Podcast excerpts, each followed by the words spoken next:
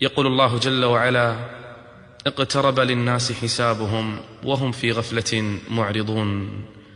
إن العالم اليوم يشهد تغييرات كثيرة وإننا ننظر اليوم إلى من حولنا فنرى بعض الأمور التي نستنكرها لم نكن نراها من قبل. بل القارئ منا والمتصفح لأحاديث النبي صلى الله عليه وسلم يعلم أن الناس اليوم يرتقبون نهاية التاريخ وتوقف الزمان ونهاية هذا العالم. بل لم يجتمع المسلمون والنصارى واليهود على شيء مثل ما اجتمعوا اليوم على أن الساعة قد اقتربت وأن العالم سينتهي وأن التاريخ يوشك على أن يتوقف. قال الله جل وعلا يا أيها الناس يا أيها الناس إن وعد الله حق. فلا تغرنكم الحياة الدنيا ولا يغرنكم بالله الغرور. لقد اقتربت الساعة منذ أن بعث النبي صلى الله عليه وسلم واقتربت الدنيا على نهايتها. بعث الله عز وجل إلى هذه الأرض أنبياء ومرسلين بالألوف. من آدم عليه السلام أول نبي ونوح عليه الصلاة والسلام أول رسول وجعل آخر الأنبياء والمرسلين الذي به يختم وتختم الأمم نبينا محمد عليه الصلاة والسلام. فنحن جئنا أصلا في نهاية الدنيا وفي نهاية الزمان ومضى على بعثة النبي عليه الصلاة والسلام أكثر من ألف وأربعمائة عام. ماذا نقول نحن في هذه الأيام؟ اقترب للناس حسابهم.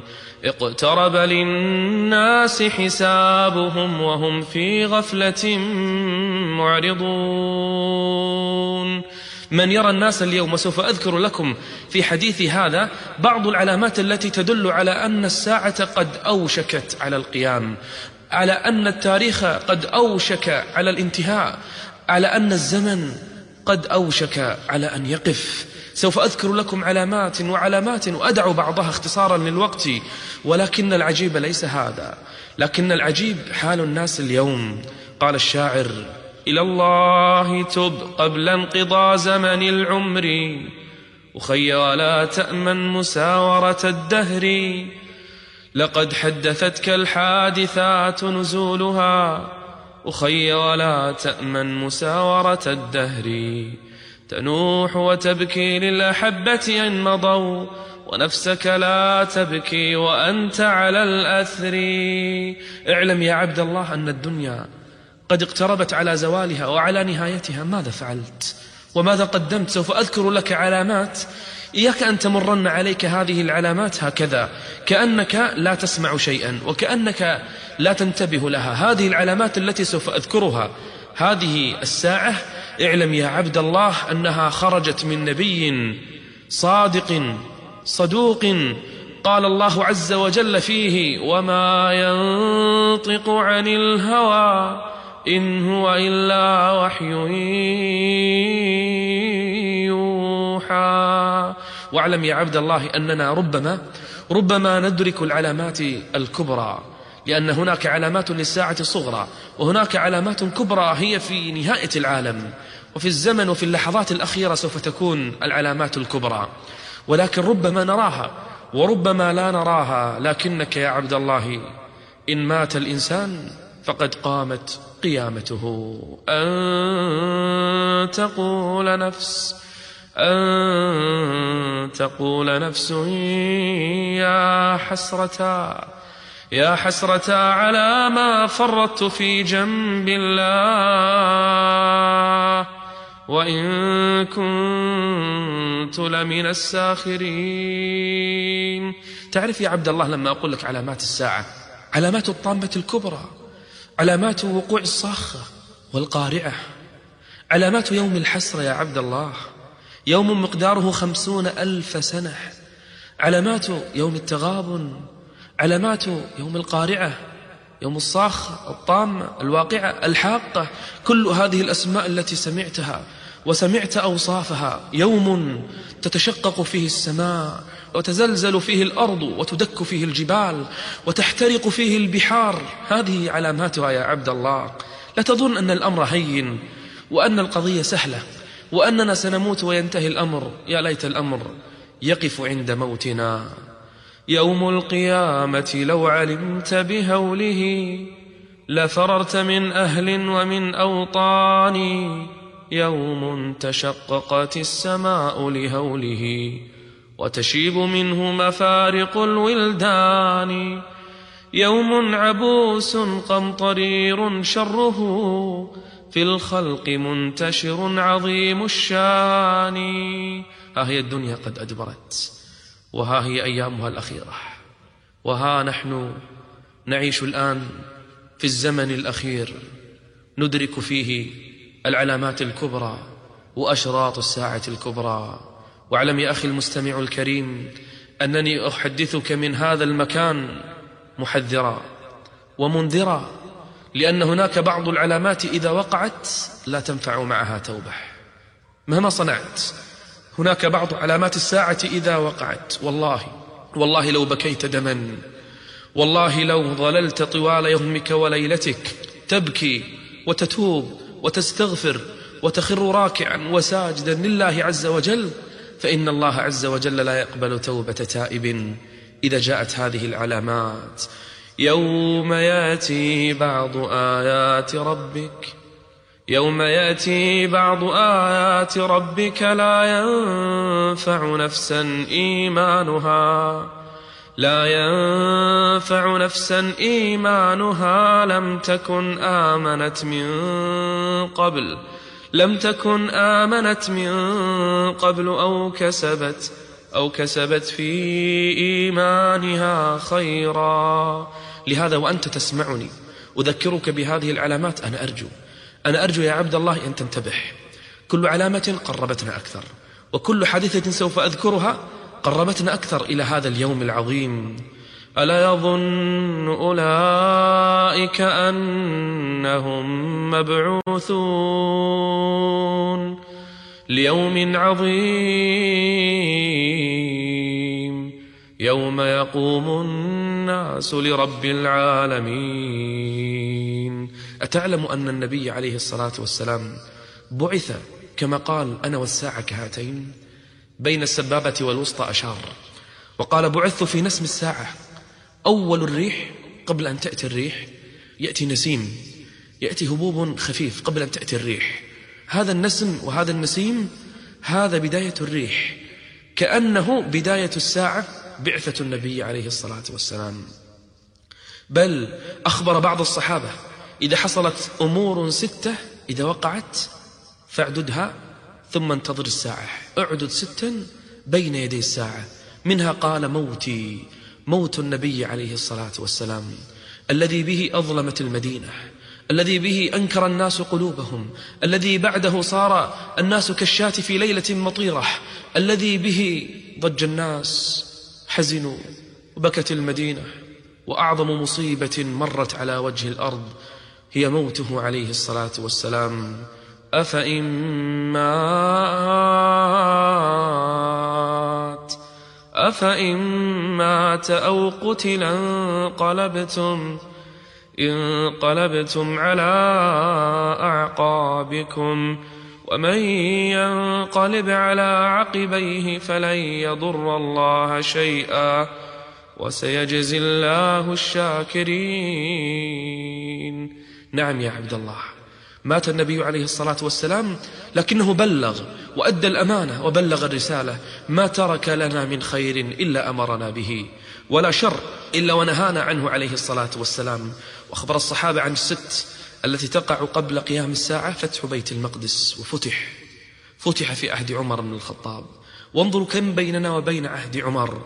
وأخبر عن الطاعون الموتان الذي أخذ الناس. ومات كثير من الصحابة في ذلك الطاعون أخبر به عليه الصلاة والسلام. وأخبر أن هذا علامة من علامات قرب الساعة. وأخبر أنه ستكون هناك فتن. ألا ترون الفتن يا عباد الله؟ ألا تخرجون إلى الشوارع؟ ألا تقرؤون الجرائد؟ ألا تسمعون الأخبار؟ فتن كقطع الليل المظلم. يصبح الرجل مؤمنا في الصباح. كانت عقيدته سليمة وكان مؤمنا. ولاؤه لله ولرسول الله وللمؤمنين لكنه يمسي كافرا. صار ولاؤه لغير الله. صار حبه لغير المؤمنين صارت عقيدته غير الإسلام ويمسي كافرا ألا ترونهم وتسمعون بهم؟ ويمسي مؤمنا ويصبح كافرا يبيع دينه بعرض من الدنيا. هذه كلها علامة من علامات انتهاء هذه الدنيا وخرابها وزوالها ونهايتها. وعلامة نهاية التاريخ. قام النبي عليه الصلاة والسلام يوما من الأيام من نومه فزعا فقال سبحان الله سبحان الله ماذا أنزل الله من الخزائن؟ ماذا أنزل الله من الفتن؟ ثم قال عليه الصلاة والسلام من يوقظ صواحب الحجرات كي يصلين؟ من يوقظ صواحب الحجرات كي يصلين؟ رب, رب كاسية في الدنيا عارية يوم القيامة عارية يوم القيامة اقترب للناس اقترب للناس حسابهم وهم في غفلة معرضون. ما يأتيهم من ذكر من ربهم محدث إلا استمعوه إلا استمعوه وهم يلعبون. الفتن كما أخبر النبي سوف تأتي فتن يرقق بعضها بعضا. كلما جاءت فتنة أنستنا ما قبلها. فتن المسلمون في الأندلس قتل المسلمون في الأندلس على أيدي الصليبيين الحاقدين. ضاعت حضارة بأكملها.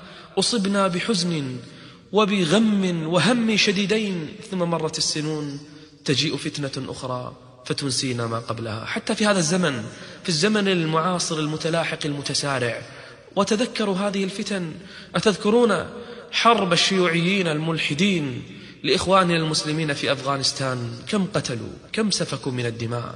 كم جرحوا؟ كم اغتصبوا؟ كم سلبوا من الأموال؟ وهب المسلمون لنجدتهم. لم تكن مصيبة مثلها لكنها تمر الأيام. وننسى نسينا بحادثة أفغانستان ما قبلها من احتلال المسجد الأقصى.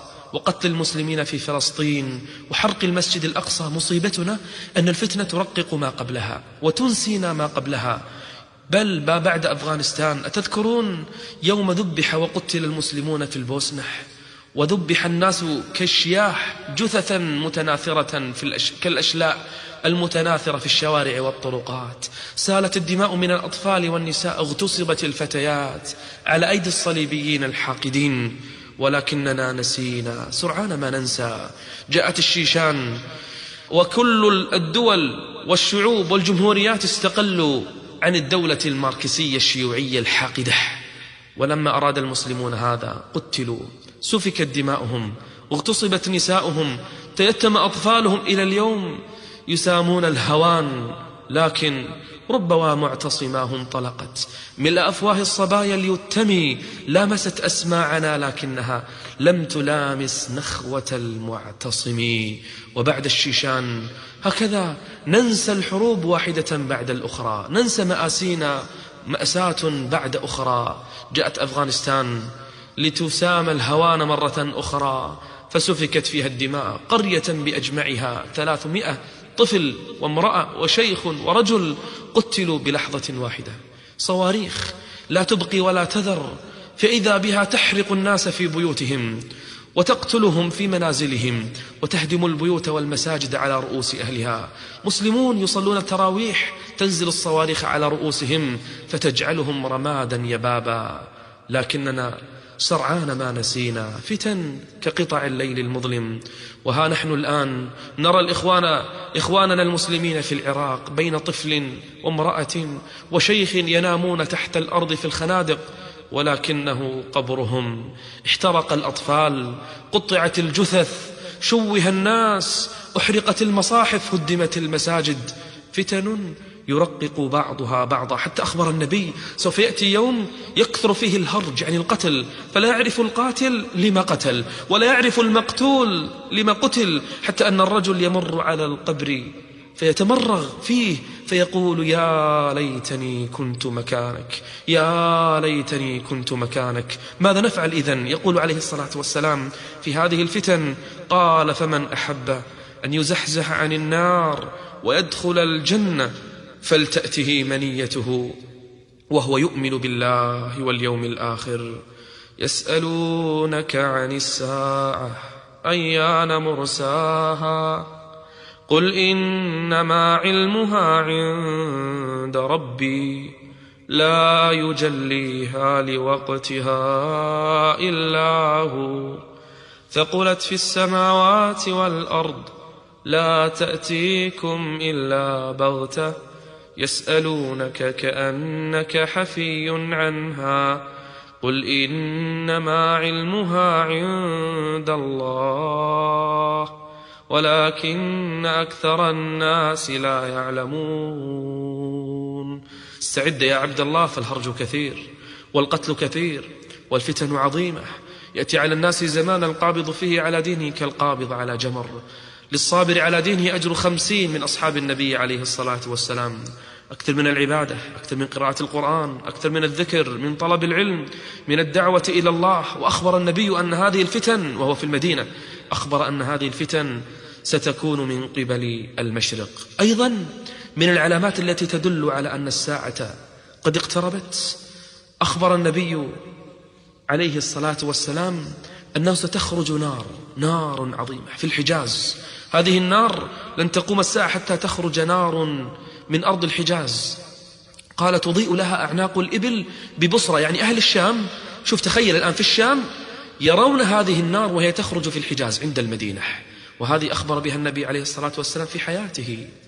هل هذا حصل؟ أم أنه سيحصل؟ هل سننتظر هذا اليوم؟ أم أنه قد أتى في القرن السابع الهجري؟ قبل تقريبا يا عبد الله أكثر من سبعمائة عام خرجت هذه النار ووقعت. وكان بعض أهل العلم قد عاصر هذه الأيام. خرجت نار عند المدينة وسبقت هذه النار زلازل. ارتجفت فيها الأرض والناس يخافون. ما هذا الزلزال؟ وخرجت أصوات لا يعرف الناس ما سببها. ينظرون إلى السماء والأرض ترجف تحتهم. أيام قيل ست سبع أيام والأرض تتزلزل من تحتهم. ثم فجأة فإذا النار تخرج عندهم في الحجاز وهم في المدينة يرونها والنار بالقرب من المدينة تخرج من الأرض. ثم ترتفع ثم تسير في الأرض كالأنهار نار وحمم وجحيم تخرج النار من الأرض والناس يتذكرون هذا الحديث وعلموا أن الساعة قد اقتربت فذهب بعض أهل العلم إلى الأمراء وإلى الحاكم ينصحونه في الله ويذكرونه ويأمرونه بالمعروف وينهونه عن المنكر فإذا بالناس يبكون في مسجد رسول الله صلى الله عليه وسلم. تجمع الأولاد والنساء والشيوخ والرجال في مسجد النبي عليه الصلاة والسلام حتى الأمراء والحكام حتى الأغنياء. كل الناس قد تجمعوا في مسجد النبي بين تائب وعابد ومصل وخاشع وذاكر وباك وساجد. أرجعوا للناس مظالمهم تحللوا من المظالم. أرجعوا للناس حقوقهم. تابوا إلى الله جل وعلا. حتى أن أحد العلماء كتب شعرا يصف تلك الحال عند المسلمين. يقول يا كاشف الضر صفحا عن جرائمنا لقد أحاطت بنا يا رب بأساء نشكو إليك خطوبا لا نطيق لها حملا ونحن بها حقا أحقاء زلازل تخشع الصم الصلاب لها وكيف يقوى على الزلزال شماء؟ أقام سبعا يرج الأرض فانصدعت عن منظر منه عين الشمس عشواء. بحر من النار تجري فوقه سفن من الهضاب لها في الأرض أرساء. كأنما فوقه الأجبال طافية موج عليه لفرط البهج وعثاء. ترمي لها شررا كالقصر طائشة كأنها ديمة تنصبها أطلاء. تنشق منها قلوب الصخر إن زفرت رعبا وترعد مثل السعف أضواء. لن تقوم الساعة حتى تخرج نار من أرض الحجاز. تضيء لها أعناق الإبل ببصرى. حصل هذا يا عبد الله قبل أكثر من سبعمائة عام ماذا ستصنع الآن؟ ماذا ستفعل الآن يا عبد الله؟ وأنت تسمعني. وأنت الآن ترى أن العلامات كثير منها قد ظهر وكثير منها قد انقضى. يا عبد الله إن كنت قد فرطت في الصلاة فاستعد من الآن. واجتهد من الآن. إن كنت قد هجرت القرآن فابدأ بتلاوته. فإن الساعة قد اقتربت. إن كنت لازلت تصر على بعض الذنوب والمعاصي نصيحتي لله. إي وربي أنصحك لله جل وعلا. من الآن تب منها. تذكر ذنوبك تذكر بعض المعاصي تذكر يا عبد الله بعض الآثام التي تصر عليها. وقل لنفسك ماذا تنتظرين؟ وماذا ترقبين؟ هل تنتظرين أن تقوم الساعة على رأسك لتتوبي؟ فهل ينظرون إلا الساعة؟ فهل ينظرون إلا الساعة أن تأتيهم بغتة؟ فقد جاء أشراطها فأنى لهم إذا جاءتهم ذكراهم. ألا ترى ما حولك من علامات الساعة يا عبد الله؟ ضياع الأمانة. يأتي على الناس سنون سنون خداعة. والله أنا أجزم وأنا على يقين أن هذا الزمن هو الذي أخبر به النبي عليه الصلاة والسلام. كيف لا؟ والخداع نراه حولنا في كل مكان. الكاذب صار صادق والصادق صار كاذب. انظروا في الإعلام بدأنا لا نثق بأحد من الناس. يصورون لك صورا وهي كاذبة. وترى بأم عينيك رجلا هو كاذب. لم يكن هذا هو الرجل. سبحان ربي. يأتي على الناس سنون خداعة. يكذب فيها الصادق. ويصدق فيها الكاذب ويخون فيها الأمين ويؤتمن فيه الخائن. ألا ترى يا عبد الله ما الذي يحصل اليوم؟ كل ما تراه من حولك كثير منه علامات وأمارات وأشراط على أن الساعة قد آذنت بالقدوم على أن هذه الدنيا قد أوشكت على الزوال. أخبر النبي أنه سيظهر مدعو للنبوة ثلاثين واحد. كلهم يزعم أنه رسول الله وظهر منهم كثيرون. شوف هذه الأمة بعد أن دخلت في الدين أفواجا أفواجا. أخبر النبي عليه الصلاة والسلام أن الساعة لن تقوم حتى تلحق قبائل من أمتي بالمشركين وحتى يعبدوا الأوثان. وصدق النبي وصدق النبي عليه الصلاة والسلام. لحق كثير من هذه الأمة بل ومن العرب. بل ومن أهل الجزيرة العربية مهبط الوحي. لحق كثير منهم بالمشركين وانتسبوا إلى الشيوعية واعتنقوا الليبرالية. وإذا بهم يدعون إلى العلمانية لحقوا بالمشركين. بل عبد كثير منهم الأوثان وعبدوا الأصنام وعبدوا القبور وعبدوا الأحجار وعبدوا الخيوط. وصدق النبي وما ينطق عن الهوى. وما ينطق عن الهوى إن هو إلا وحي يوحى. بل حدد النبي عليه الصلاة والسلام شوف التفصيل. حدد أنكم سوف تتبعون اليهود والنصارى. وتحذون حذوهم وتقتدون بهم. قال لتتبعن سنن من كان قبلكم. سنن من كان قبلكم حذو القذة بالقذة. حتى لو دخلوا جحر ضب لدخلتموه. قال الصحابة اليهود والنصارى يعني حنا نتبع اليهود والنصارى؟ قال فمن؟ يعني من غيرهم آخر الزمان. تتبعونهم وتحذون حذوهم وتقتدون بهم وتتمسكون بهديهم. وحصل ما أخبر به النبي عليه الصلاة والسلام. أخبر أنه سوف يأتي يوم يقبض فيه العلم. كيف يقبض طبعا العلم؟ يقبض العلم يقبض العلماء. بل سوف ينتشر الجهل بين الناس. كما أخبر النبي عليه الصلاة والسلام من أشراط الساعة قال أن يرفع العلم ويثبت الجهل وأخبر أن الأمر سوف يزداد ويدرس الإسلام كما يدرس وشي الثوب حتى لا يدرى ما صيام ولا صلاة ولا صدقة ولا يعني ما خلاص الناس ما يعرفوا شيء لا يعرفون شيء لا عن الصلاة ولا عن الصيام ولا عن الصدقات قال ويسرى على كتاب الله في ليلة فلا يبقى في الأرض منه آية. لا إله إلا الله. يا عبد الله أدرك أمرك. يا عبد الله تدارك الأمر. عليك بالقراءة. عليك مدارسة لكتاب الله جل وعلا الذي يثبت أهل الإيمان. سوف يأتي يوم يقبض الكتاب هذا الكتاب من الأرض. بل سوف يأتي على الناس يوم سوف يأتي على الناس يوم يا عبد الله. لا يعرفون حتى كلمة الله. بل بعضهم يقول لا إله إلا الله لا يعرفون معناها. يقول كنا نسمع آباءنا أدركنا آباءنا يقولون لا إله إلا الله ما يعرفون حتى معناها. وصار في الأرض اليوم بعض القبائل التي تنتسب للإسلام ما تعرف من الإسلام إلا كلمة لا إله إلا الله. لا يعرفون حتى معناها ولا شروطها ولا مقصدها. يا عبد الله ماذا تنتظر؟ يا عبد الله ماذا ستفعل الآن؟ وقد علمت أن العلامات التي أخبر بها النبي أكثرها قد ظهر بل أنا أظن أن العلامات الصغرى كلها تقريبا ظهرت. وربما البقية الباقية النادرة لن تظهر إلا مع الكبرى والعلم عند الله جل وعلا. هل تطمع بعد هذا في الحياة؟ إن كنت تطمع في الحياة فهاتي كم من أب صار في الأموات؟ ما أقرب الشيء الجديد من البلا يوما وأسرع كلما هو آتي. الليل يعمل والنهار ونحن عم ما يعملان بأغفل الغفلات. يا ذا الذي اتخذ الزمان مطية وخطى الزمان كثيرة العثرات. ماذا تقول وليس عندك حجة لو قد أتاك منغص اللذات؟ سوف يأتي على الناس زمان تكثر فيه الشرط.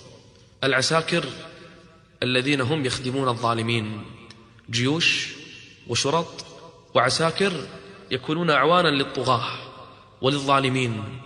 بل أخبر النبي أن معهم سياط كأذناب البقر. طبعا هذا الذي أقول لك الآن وتسمعني يا عبد الله هذا وقع قبل قرون.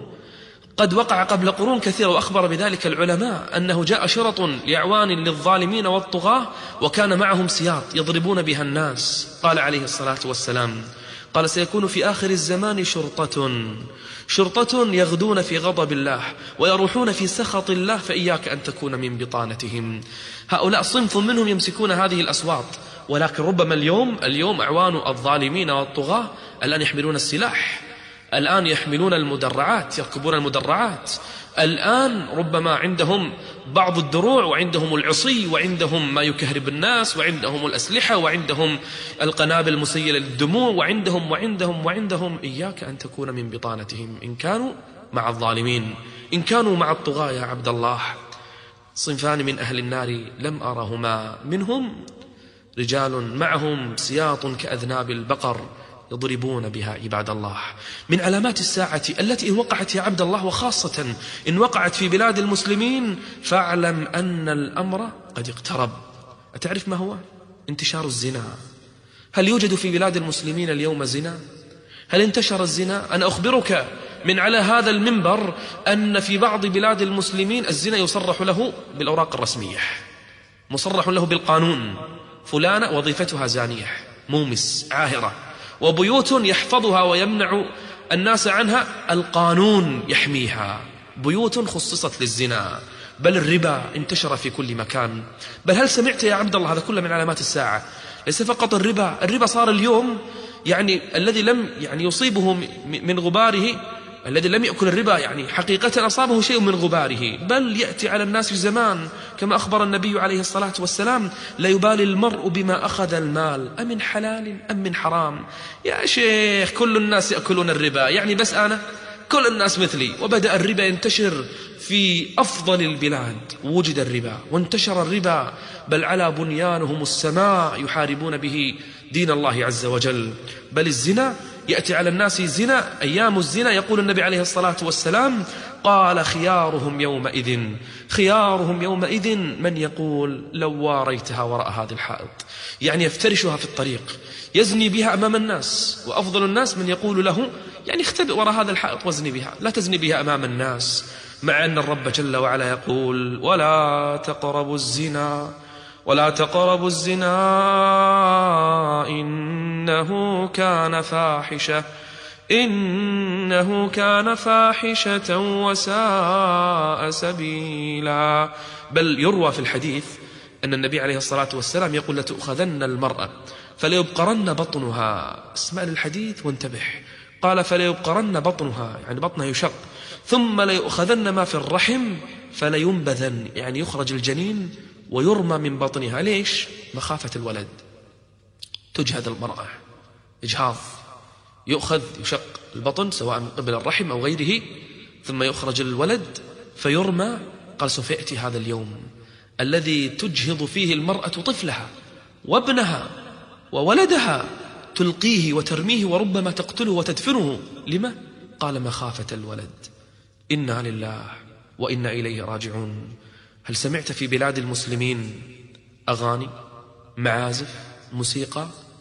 أنا أقول بدأنا نسمع هذا حتى في المساجد. وأصبحت الجوالات اليوم تدخل الموسيقى والمعازف حتى في الحرم. هل سمعت في بلاد المسلمين بمغنيات؟ إن سمعت بهذا فانتظر الساعة. أنا أقول أن المغنيات وصلنا إلى كل بيت اليوم إلا ما ندر. بشاشات التلفاز وصلنا إلى جميع البيوت. إلى غرف النوم على صفحات الجرائد والمجلات وفي الطرقات. بل صارت المغنيات اليوم لهن الأموال والكرامة والشرف والعز والرفعة للمغنيات الساقطات. يقول عليه الصلاة والسلام سيكون في آخر الزمان. يعني آخر شيء قبل أن تقوم الساعة. خسف وقذف ومسخ. قالوا متى يا رسول الله؟ متى هذا يكون؟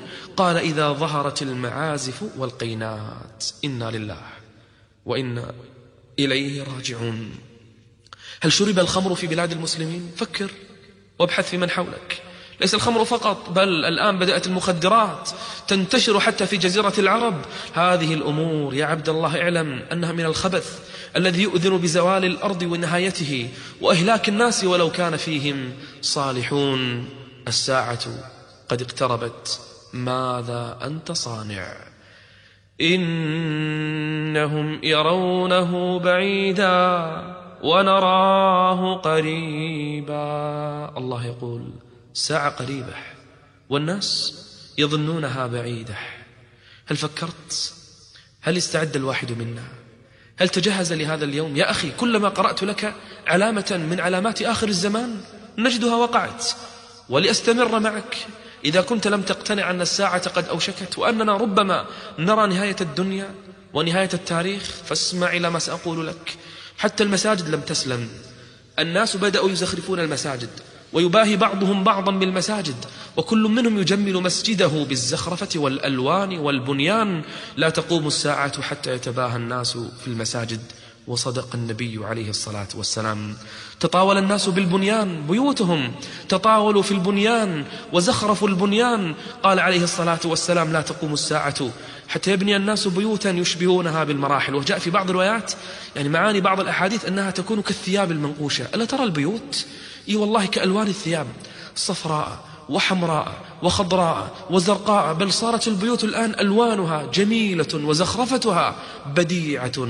كل هذا علامة من علامات الساعة. كثرة الهرج كثرة القتل. ألا ترى اليوم هذه الأسلحة التي ألقيت على المسلمين في كل مكان؟ أسلحة فتاكة بدقائق معدودة تقتل مئات الألوف من البشر. هذا كله يا عبد الله علامة على نهاية التاريخ وعلى زوال هذه الدنيا. ألا ترى ما الذي يحصل؟ السنة كأنها شهر. ألا تذكر العام الماضي؟ كأننا اليوم من العام الماضي إلى اليوم كأنه شهر واحد. سبحان ربي كم مضى من رمضان إلى اليوم كأنه بالأمس. ما الذي يحصل؟ يبدأ الشهر فينتهي كأنه أسبوع. اليوم ما أنت تستيقظ في الصباح إلا ويحل عليك الليل وينتهي اليوم. ما الذي يحدث؟ إنها نهاية الدنيا. يتقارب الزمان فتصبح السنة كالشهر والشهر كأسبوع والأسبوع كيوم واليوم كالساعة والساعة كحرق السعفة. فاستعد يا عبد الله. ومن علاماتها قبل أن تقوم الساعة تتقارب الأسواق. اليوم تستطيع وأنت في بيتك من خلال جهاز الكمبيوتر. أن تشتري وتبيع في العالم كله وأنت جالس في بيتك. صار العالم كأنه سوق واحد. الفحش والقطيعة وعقوق الوالدين وسوء الجوار. كل هذا من علامات الساعة أن يتشبب المشيخة الشيوخ وكبار السن. كل منهم الآن يريد أن يرجع إلى الصبا يريد أن يرجع للشباب وحمى. حم الرجوع إلى الشباب انتشر بين الرجال والشيوخ وكبار السن بل صار الناس يبحثون عن صبغ اللحى بالسواد وبقائها بالسواد بل حلقوا اللحى وصارت اللحية كما قال النبي عليه الصلاة والسلام كحواصل الحمام. هذا في آخر الزمان يكون. ما معنى حواصل الحمام؟ هذه اللحية البسيطة التي تكون تحت الفم يحلق العارضان ولا يبقى إلا شيء يسير تحت الشفتين. هذا الذي أخبر به النبي عليه الصلاة والسلام قد وقع. يذهب الخشوع آخر الزمان ويكثر موت الفجأة. أتسمع بموت الفجأة؟ فلان وهو جالس مات. فلان وهو يلعب سقط ومات. فلان فحصه الطبيب فقال أنت سليم مئة بالمئة. ذهب إلى بيته فمات. سبحان ربي الموت كثر. موت الفجأة قد انتشر. صار الناس يموتون بلا سبب. احتار الأطباء احتار العلماء. يقولون ماذا؟ وكيف مات؟ لا ندري له سببا. ما نعرف كيف مات؟ ما الذي يجري؟ ما الذي يحدث؟ عبد الله انتبه. حتى إذا جاء أحدهم جاء أحدهم الموت. قال رب ارجعون لعلي أعمل صالحا لعلي أعمل صالحا فيما تركت كلا إنها كلمة هو قائلها ومن ورائهم برزخ برزخ إلى يوم يبعثون. كثر الموت يا عبد الله. وقل التائبون وقل النادمون.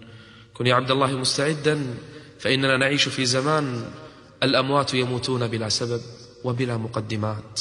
من علامات قرب الساعة ونهاية الدنيا كثرة الزلازل. نعم الزلازل تكثر وما نراه اليوم نسمعه زلزال كل فترة وكل زمن نسمع ونقرأ عن زلزال. هذا كلها علامات على قرب الساعة بل سيقع بين يدي الساعة مسخ وقذف وخسف. وقال أهل العلم أن هذا قد وقع وقع في كثير من البلاد خسف في الأرض. وربما القذف ما نراه اليوم وربما يكون المسخ معنويا أو حقيقيا. ثم أعلم يا عبد الله كلما اقتربت الساعة كلما قبض الله عز وجل الصالحين.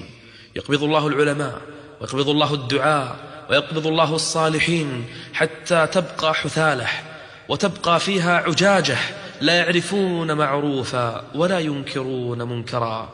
بل يبدأ من يتكلم في الناس ومن يقود الناس ومن يسير أمور الناس ومن ينطق فيهم الرويبضة. الرويبضة قالوا ومن الرويبضة يا رسول الله؟ قال الرجل السفيه. الرجل السفيه يتكلم في أمر العامة. رجل تافه رجل سفيه يقود الناس ويتكلم في أمورهم وفي شؤونهم. يأتي على الناس زمان لا يسلم الرجل إلا على المعرفة. يسلم على من يعرف. أما الذين لا يعرفهم لا يسلم عليهم. حرص يا عبد الله أن تسلم على من عرفت. ومن لم تعرف أن يظهر في الناس أن يظهر في الناس الكاسيات العاريات وهل هذا وقع؟ هل وقع في بلاد إسلامية متبرجات؟ هل خرجنا النساء كاسيات عاريات؟ رؤوسهن كأسنمة البخت؟ فكر في هذا يا عبد الله. وكن صادقا مع نفسك. واعلم أن الله أن الله جل وعلا أخبر النبي عليه الصلاة والسلام ببعض هذه العلامات لينتبه الناس وليحذروا من هذه الأمور. بل أخبر النبي عليه الصلاة والسلام أنه سيكون في آخر الزمان يعني في آخر أمتي رجال يركبون على سروج كأشباه الرحال. يعني هناك يركبون على أشياء دواب تشبه دوابنا لكن ليست مثل دوابنا. ليست إبلا ليست خيولا ليست يعني بغالا ليست حم يعني هناك يركبون على رحال لكن تشبه رحالنا. على المياثر يعني يركبون على أشياء كأنها منازل كأنها بيوت. ألا يوحي لك هذا بشيء يا عبد الله؟ وأخبر النبي أنه لتتركن القلاص في آخر الزمان. هذه الإبل والدواب يتركها الناس. طبعا يتركونها لأي شيء يا عبد الله. قال وينزلون هؤلاء الرجال على أبواب المساجد يعني يدخلون المسجد. قال نساؤهم كاسيات عاريات. نساؤهم كاسيات عاريات. عبد الله انتبه فنحن في آخر الزمان. عبد الله تجهز. فنحن نوشك أن نرى قيام الساعة. عبد الله استعد وتب إلى الله جل وعلا. لا تكاد رؤيا المؤمن في آخر الزمان تكذب. رؤيا المؤمن في آخر الزمان تصدق. وبين يدي الساعة ظهور القلم. كل الناس يكتبون بل الطباعة قد انتشرت.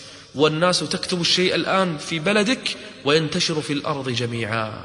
وفي آخر الزمان يا عبد الله تكثر النساء ويقل الرجال وذلك بسبب الحروب كما قالوا وسبب القتل وسفك الدماء وقتل الرجال فيكثر النساء حتى يبقى للخمسين امرأة القيم الواحد.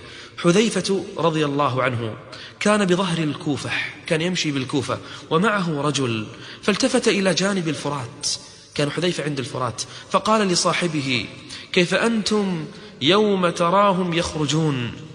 يوم تراهم يخرجون أو يخرجون منها. أي يخرجون من هذه الأرض أهل العراق يخرجون من العراق أو يخرجون منها. يجبرون على الخروج منها. لا يذوقون منها قطرة لا يستطيعون حتى الشرب من هذه من هذه الماء من هذا الماء من هذه من هذا النهر.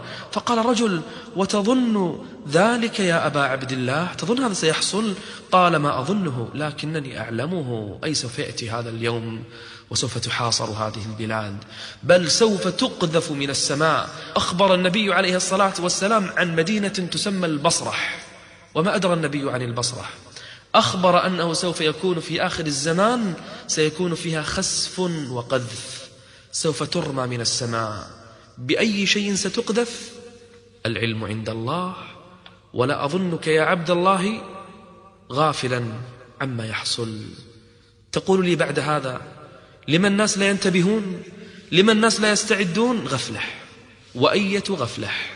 اقترب للناس اقترب للناس حسابهم وهم في غفلة معرضون.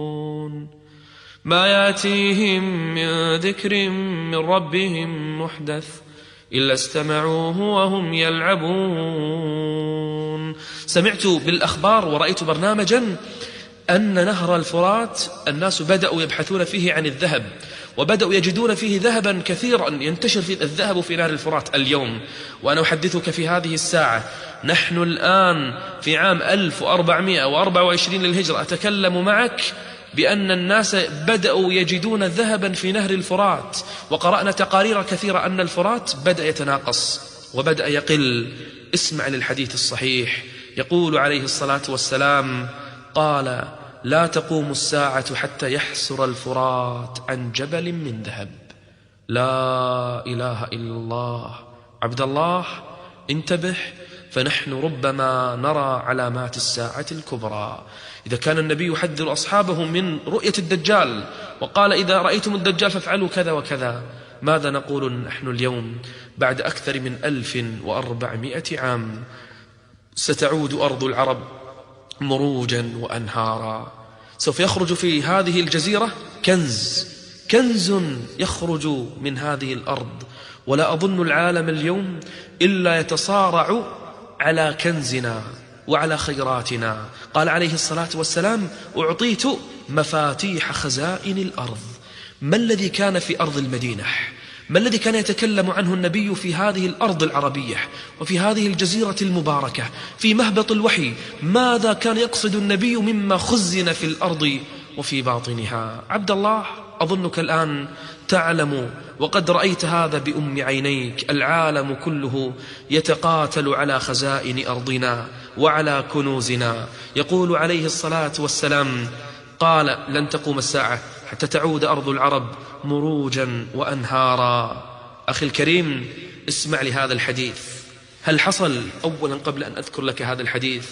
هل رأيت في مكة المكرمة بعض الأنفاق؟ هل رأيت في مكة أنفاقا حفرت؟ بل هل رأيت في مكة عمارات شاهقة وبنيان عالي حتى بدأ يعلو رؤوس الجبال؟ هل حصل هذا؟ هل رأيت هذا؟ إن حصل فاعلم أن الساعة قد أوشكت. اسمع للحديث حديث عبد الله ابن عمرو رضي الله عنه ولا أظنه يذكره إلا أنه سمعه من النبي عليه الصلاة والسلام. يقول لأحد أصحابه يقول إذا رأيت مكة قد بعجت كظائم يعني حفرت فيها قنوات. وما أدرى عبد الله بن عمرو بهذا قال ورأيت البناء يعلو رؤوس الجبال فاعلم أن الأمر قد أضلك أي اعلم أن الساعة قد اقتربت يسألونك عن الساعة أيان مرساها؟ قل إنما علمها عند ربي لا يجليها لوقتها إلا هو. ثقلت في السماوات والأرض لا تأتيكم إلا بغتة. يسألونك كأنك حفي عنها قل إنما علمها عند الله ولكن أكثر الناس لا يعلمون. عبد الله سوف تخرج معادن مختلفة.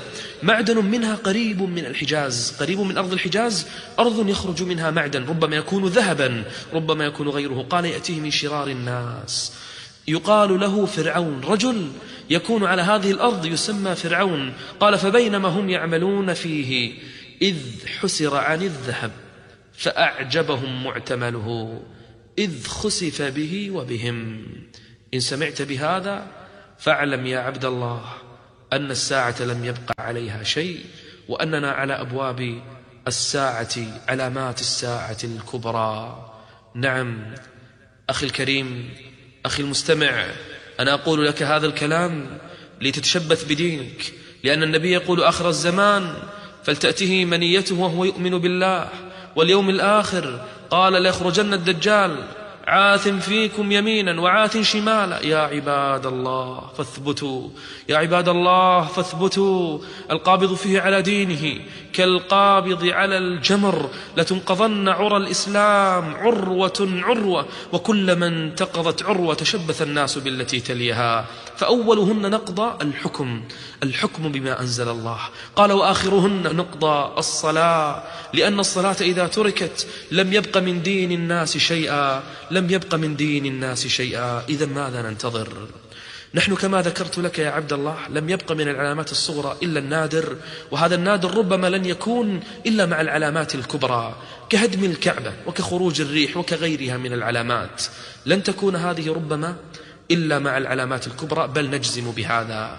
سوف تكون هناك حروب وملاحم وقتال شديد ويكثر الروم ويتقاتل المسلمون معهم ثم يغدرون. وبعد أن يغدروا يا عبد الله تكون هناك فتن وملاحم بين المسلمين وبين النصارى الصليبيين الحاقدين. ملاحم وينتشر فيه الجهاد في سبيل الله.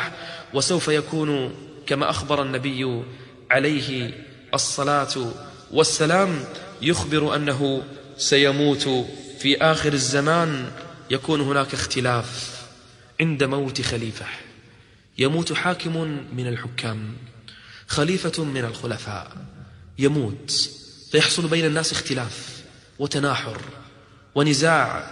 فيخرج رجل من أهل المدينة قال يخرج رجل من أهل المدينة هاربا إلى مكة. انتبه وضع عينيك على هذا الرجل وتتبع أخباره. قال فيأتيه ناس يأتيه ناس من أهل مكة فيخرجونه وهو كارح. يدفعونه دفعا وهو لا يرضى. الناس يعرفونه أهل العلم الدعاء الصالحون أهل الدين يعرفون أن هذا الرجل هو المقصود وهو المعني وهو الذي سيبدأ به الرب جل وعلا علامات الساعة الكبرى. فيخرجونه وهو كارح أي يدفعونه للبيعة قم يا رجل قم بايع الأمة. الأمة تحتاج إلى القائد. الأمة تحتاج إلى من يقودها للجهاد في سبيل الله. النصارى يقتلون. اليهود يسفكون. قم يا رجل. والمسلمون مختلفون على الكنوز وعلى الثروات وعلى الأموال. قال فيبايعونه بين الركن والمقام. بين الركن الحجر والمقام. ثم يبعث إليه بعث من الشام. جيش يخرج إليه ليقاتله. فيخسف بهم. بالبيداء بين مكة والمدينة. إذا سمعت بهذا جيش خسف به بين مكة والمدينة ورجل يبايع الناس عند الكعبة فأسرع يا عبد الله. قال عليه الصلاة والسلام فإذا رأى الناس ذلك أتاه أبدال الشام وعصائب أهل العراق يعني مشرق المدينة فيبايعونه. ويأتي من قبل المشرق قوم معهم رايات سود يخرجون ليقاتلون في سبيل الله. يخرج إليه أهل مصر وأهل الشام وأهل العراق وأهل اليمن والمسلمون المجاهدون المخلصون الصادقون يخرجون من الدنيا بأجمعها. كلهم يلبون لبيك اللهم لبيك. يخرجون يريدون الجهاد في سبيل الله. وبهذا تبدأ علامات الساعة الكبرى. أخي الكريم ما الذي سيحصل بعد أن يخرج هذا الرجل الذي هو من أبناء النبي عليه الصلاة والسلام من آل بيته اسمه كاسمه أي اسمه محمد واسم أبيه كاسم أبي النبي عليه الصلاة والسلام. متى سيخرج؟ وأين سيخرج؟ وماذا يحصل إذا خرج هذا الرجل؟ موعدنا في الدرس المقبل إن شاء الله. أسأل الله جل وعلا أن ينفعنا وإياكم. بهذه الكلمات وصل الله وسلم على نبينا محمد وعلى آله وصحبه أجمعين. بسم الله الرحمن الرحيم. الحمد لله رب العالمين والصلاة والسلام على سيد المرسلين وخاتم النبيين وعلى آله وصحبه ومن اهتدى بهديه واستنى بسنته إلى يوم الدين. أما بعد أيها الإخوة الكرام ذكرنا في المحاضرة الماضية بعضا من علامات الساعة الصغرى. وشيئا من أشراطها. وذكرنا في المحاضرة السابقة أن هذا كله دليل على أن العالم سينتهي وأن الساعة ستقوم. أما وقتها فالعلم فيه عند الله جل وعلا لا يجليها لوقتها إلا هو. يسألونك عن الساعة أيان مرساها فيما أنت من ذكراها؟ إلى ربك منتهاها. إنما أنت منذر من يخشاها كأنهم يوم يرونها لم يلبثوا إلا عشية أو ضحاها. وذكرنا بما لا يدع مجالا للشك على أن الساعة قريبة ودللنا بعلامات كثيرة وقعت وتركنا بعضها اختصارا للوقت.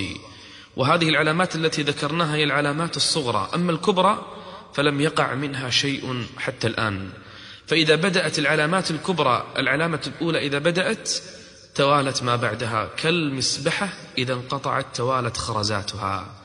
وقد تأتي بعض العلامات الكبرى فينقطع باب التوبة. وتنتهي التوبة إلى الله جل وعلا. ولا ينفع نفسا إيمانها لم تكن آمنت من قبل أو كسبت في إيمانها خيرا. يا عباد الله انتبهوا واستعدوا. ولم نذكر هذه العلامات من باب العبث أو زيادة المعلومات أو ذكر بعض الأمور من باب التسلية أو غيرها. لكننا ذكرنا هذه الأمور. يستعد العبد فإن الناس في غفلة.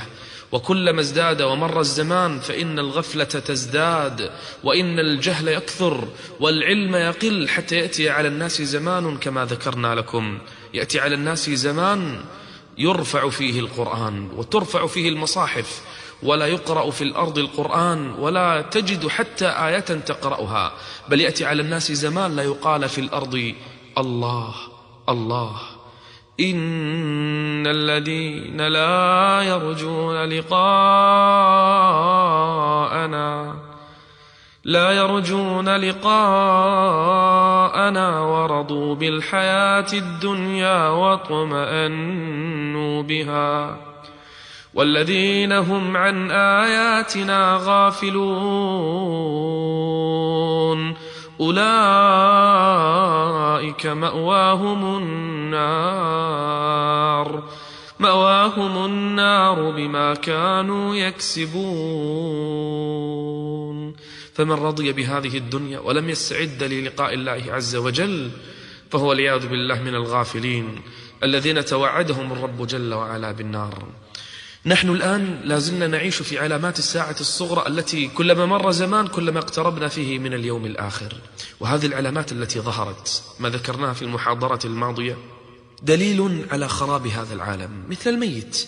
أرأيتم يا عباد الله الميت الذي يحتضر تمر فيه علامات ربما يصاب ببعض الأمراض ربما تتوقف بعض أجهزته ربما تتغير بعض قوانين جسمه ربما تختل بعض أعضائه يختل هذا أكبر دليل على أن هذا الرجل بدأ يحتضر. وهكذا العالم اليوم يحتضر والدنيا قد آذنت بزوال. والعالم سوف يخرب والتاريخ سوف ينتهي. ونحن في شرعنا النبي صلى الله عليه وسلم ذكر هذه العلامات ليستعد العبد وليتجهز للقاء الله عز وجل. قال الرب جل وعلا يا أيها الذين آمنوا اتقوا الله.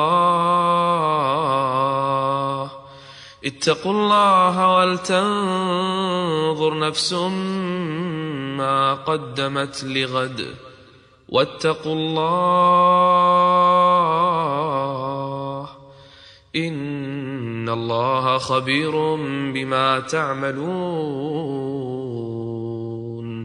سوف تكون هناك حروب قبل بداية العلامات الكبرى وهذه نهاية الدنيا حقيقة. قبل أن تبدأ العلامات الكبرى ستكون هناك حروب وفتن وملاحم ملاحم كبرى. وسوف يقف المؤمنون أولا بينهم وبين النصارى بين بني الأصفر تكون هناك معاهدة وهدنة. ويقاتلون هم مع النصارى مع الروم عدوا من ورائهم. ولم يسمي النبي عليه الصلاة والسلام من هذا العدو. هل سيكون هذا العدو؟ هم الشيوعيون هم الهندوس هم الصينيون هم الملحدون هم الله أعلم من العدو الذي سوف نقاتل مع الروم هذا العدو. ثم بعد أن ينهزم هذا العدو يغدر النصارى. وهذه عادتهم وهذه طريقتهم. فإذا غدروا يكون بين المسلمين وبين النصارى مقتلح وملحمة كبيرة. يأتي النصارى بجيش يقرب من المليون. جيش يقول عليه الصلاة والسلام يأتونكم تحت ثمانين غاية يعني مثل الراية ربما تكون ثمانين دولة ثمانين سرية الله أعلم ثمانين راية. قال تحت كل غاية يعني كل راية اثنى عشر ألفا. ولو حسبتهم سوف يكون ما يقارب المليون. إذا نهاية العالم قتال في سبيل الله. وجهاد لنصرة الإسلام والدين. من قاتل لتكون كلمة الله هي العليا فهو في سبيل الله. فأولئك الذين يزعمون أن الجهاد قد انتهى وأن الإسلام ليس فيه جهاد وأن القتال والجهاد هذا مما مضى عليه وعفى عليه الدهر وأن الإسلام يجب أن نعيش بسلام مع الحضارات ومع الأديان كلها. نقول لهم هم مساكين هم يخالفون سنن الله الكونية والشرعية. وهم ربما ما قرأوا هذه الأحاديث. ولهذا قال النبي عليه الصلاة والسلام قال من لم يغزو أو يحدث نفسه بالغزو فقد مات على شعبة من نفاق. فيبدأ القتال وتبدأ المعركة. وكما ذكرنا لكم في المحاضرة الماضية أن في هذه الأزمنة وفي ذلك الوقت يظهر رجل اسمه كاسم النبي عليه الصلاة والسلام. واسم أبيه كاسم أبي النبي عليه الصلاة يعني اسمه محمد بن عبد الله. وهذا الرجل الحسن ابن فاطمة يعني ابن علي فهو حسني فاطمي علوي من آل بيت النبي عليه الصلاة والسلام. وليس كل من ادعى أنه هو المهدي في هذا الزمن نصدقه ونتبعه لا له علامات. وأخبر النبي أنه يخرج في زمن ملئ ظلما وجورا ظلم ينتشر في الأرض. أسألكم بالله يا من تسمعوني الآن. هل الأرض اليوم ملئت عدلا ملئت قسطا أم ملئت ظلما وجورا؟ والله نحن ربما نكون في هذا الزمن والعلم عند الله جل وعلا. وربما والعلم عند الله ربما يكون الدجال الآن موجود ربما يكون المهدي مولود ربما هذه الأمور مجهزة. لا تقول يا شيخ أنت تبالغ. أنا أقول لك كان النبي عليه الصلاة والسلام يعني ظن أن ابن صياد هو الدجال في زمنه. أخبر الصحابة إن يعش يعني إن يخرج الدجال وأنا فيكم فأنا حجيجه دونكم. يعني ربما يخرج الدجال وأنا حي. إذا ماذا نقول اليوم؟ وربما تكون علامات الساعة الكبرى الآن ليس يعني بيننا وبينه إلا قاب قوسين أو أدنى والعلم عند الله عز وجل وحده. يخرج هذا الرجل المهدي ويبدأ الناس يبايعونه وكما ذكرت لكم يخرج على إثر موت خليفة ويختلف على الحكم وعلى الملك ثلاث كلهم أبناء خليفة. ويبدأ الناس يختلفون فيخرج هذا الرجل وهو المهدي. لا تقوم الساعة حتى يملك رجل من أهل بيتي. يواطئ اسمه اسمي واسم أبيه اسم أبي يملأ الأرض قسطا وعدلا كما ملئت ظلما وجورا. وهذا الرجل أجلى يعني ينحسر شعره عن مقدم رأسه. شكله إذا أردت تعرف شكل المهدي؟ يعني شعره ارتفع عن رأسه قليلا وأقنى يعني حدودب أنفه. يعيش هذا الرجل في الأرض سبع أو ثمان سنين ويكثر في عهده الخير ويتوافد الناس إليه. الآن الناس المسلمون في العالم يبحثون عن الجهاد في سبيل الله ويتمنون القتال في سبيل الله لكن ينتظرون قائدا يقودهم. نحن لا نقول ننتظر المهدي ولكن نقول في زمن المهدي الناس يقدمون من الأرض كلها. يريدون الجهاد في سبيل الله فيتوافدون إليه يبايعونه على القتال فهو الرجل الذي يقود الناس يقاتل النصارى. فيصير قتال يقول النبي صلى الله عليه وسلم في آخر الزمان تقاتلون الروم قتالا شديدا يوم لا يقسم ميراث ولا يفرح بغنيمة. يقاتل الناس ويجتمع الروم يعني في الشام يجمع النصارى جيشهم في الشام ليقاتلوا أهل الإسلام. يقول وتكون عند ذلك القتال ردة شديدة. يعني الناس يكونون في ذلك اليوم في اسطاطين إما في اسطاط إيمان لا نفاق فيه أو في اسطاط نفاق لا إيمان فيه.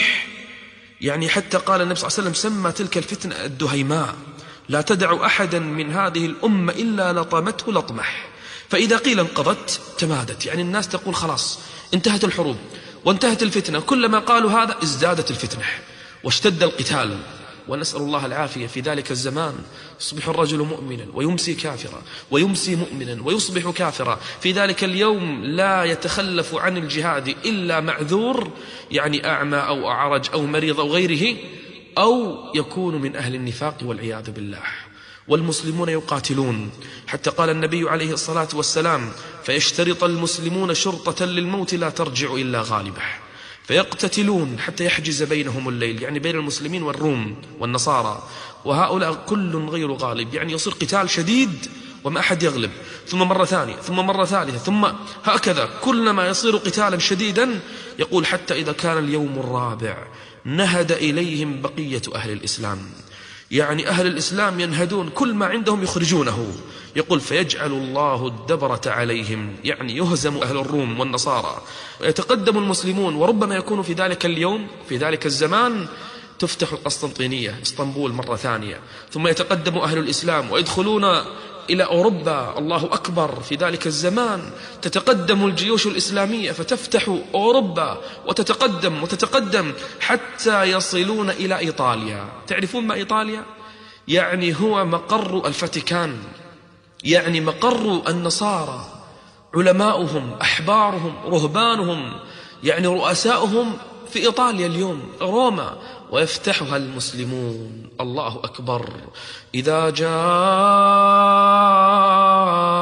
نصر الله والفتح ورأيت الناس يدخلون في دين الله أفواجا فسبح بحمد ربك واستغفره إنه كان توابا. يتقدم المسلمون يدخلون إلى أوروبا. في ذلك الوقت ربما الشيطان الآن خاف ويخاف أن أوروبا كلها تفتح والناس يدخلون في دين الله فيصرخ فيهم يصرخ فيهم أن المسيح الدجال قد خلفكم في أهليكم. تخيلوا المنظر.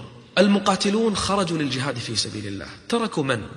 تركوا نساءهم تركوا أطفالهم تركوا أهاليهم والضعفاء والمساكين هم الذين بقوا في بلادهم.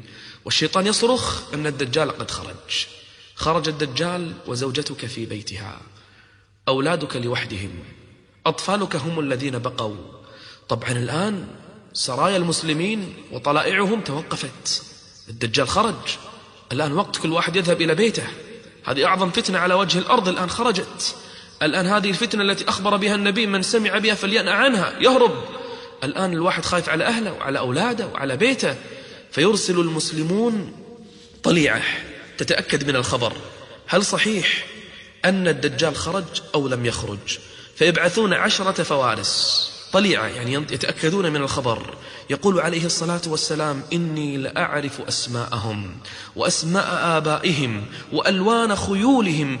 هم خير فوارس على ظهر الأرض يومئذ. الله أكبر. هم خير الناس في ذلك الزمان. يسرعون. الشيطان ذكر هذا ليوقف الجهاد ويوقف الفتوحات. ولكن لما يرجع المسلمون إلى الشام ويتأكدون من الخبر فإذا بالدجال يخرج في ذلك الزمان. يخرج من غضبة يغضبها. يغضب الدجال. كيف تفتح البلاد؟ وكيف يقبل الناس على الدين؟ وكيف ينتشر الجهاد في سبيل الله؟ فيغضب الدجال غضبة فيخرج والعياذ بالله. أعظم فتنة على وجه الأرض. إنه من؟ إنه الدجال نسأل الله أن يعيذنا وإياكم منه. من الذي سيثبت؟ يثبت الله. يثبت الله الذين آمنوا بالقول الثابت في الحياة في الحياة الدنيا وفي الآخرة ويضل الله الظالمين. ويفعل الله ما يشاء. إنه من ابن آدم. يدعي أولا النبوة ثم تظهر على يديه كرامات ثم ينتشر صيته في الأرض ثم يدعي أنه هو الرب والعياذ بالله. رجل قصير أفحج متباعد الفخذين جعد كثير الشعر أعور رجل أعور وإن ربكم ليس بأعور لا ولد له. ولا ذرية له. له جسم رجل جسيم أجل الجبهة. أجل الجبهة أي واسع الجبهة عريض النحر. يخرج من بلدة تسمى أصبهان. يخرج معه سبعون ألفا من اليهود. يقول النبي عليه الصلاة والسلام إنه نحو المشرق. لما جاءه تميم الداري وأخبر أنه رآه في جزيرة من الجزر في بحر من البحار قال النبي أولا إنه من قبل اليمن. ثم قال لا لا. إنه من قبل الشام ثم قال لا. ثم قال ألا إنه نحو المشرق؟ ألا إنه في بحر العراق؟ وأنا أسألك وفكر أين يقع بحر العراق؟ العراق والمقصود به مشرق المدينة وأي بحر يكون في مشرق المدينة. لا يخرج الدجال تعرف متى يخرج الدجال؟ يخرج الدجال والناس في ذهول عن ذكره. الناس ليسوا يعني في خبر الدجال ولا يتذاكرون الدجال ونسوا قضية الدجال وفتنة الدجال حتى يترك ذكره على المنابر. نسأل الله العافية. وذلك في الفتنة التي ذكرناها فتنة الدهيماء والناس في فسطاطين فسطاط إيمان وفسطاط نفاق والجهاد قائم والناس يقاتلون في سبيل الله. يقول النبي في ذلك اليوم فانتظروا الدجال من يومه أو من غده. نسأل الله أن يعافينا وإياكم. تظنون الدجال القضية سهلة. النبي صلى الله عليه وسلم يقول للصحابة قال من سمع به فلينأ عنه ليهرب من الدجال. ولا يواجهه يزعم أنه قوي الإيمان وأن عنده علم وأن يعرف أن هذه فتنة لن يستطيع عليه لا يا عبد الله.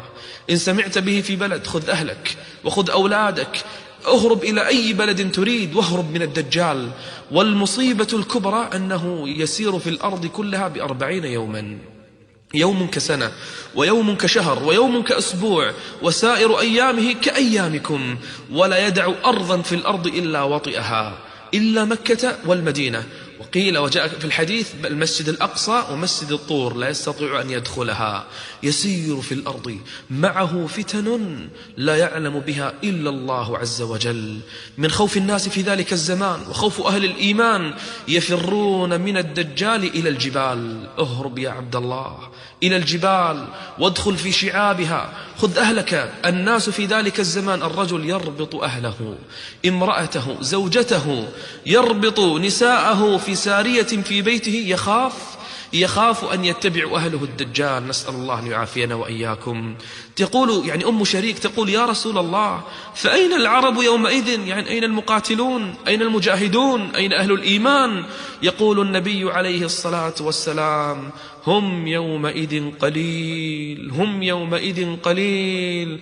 نسأل الله أن يعافينا وإياكم. نسأل الله لا يفتننا فتنة الدجال. يقول النبي من سمع به في أرض فلينأ عنه. طيب لو لا قدر الله واجهني الدجال.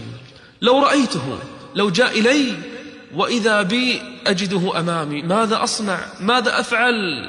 أثبت يا عبد الله. الدجال خارج فيكم اسمع للحديث.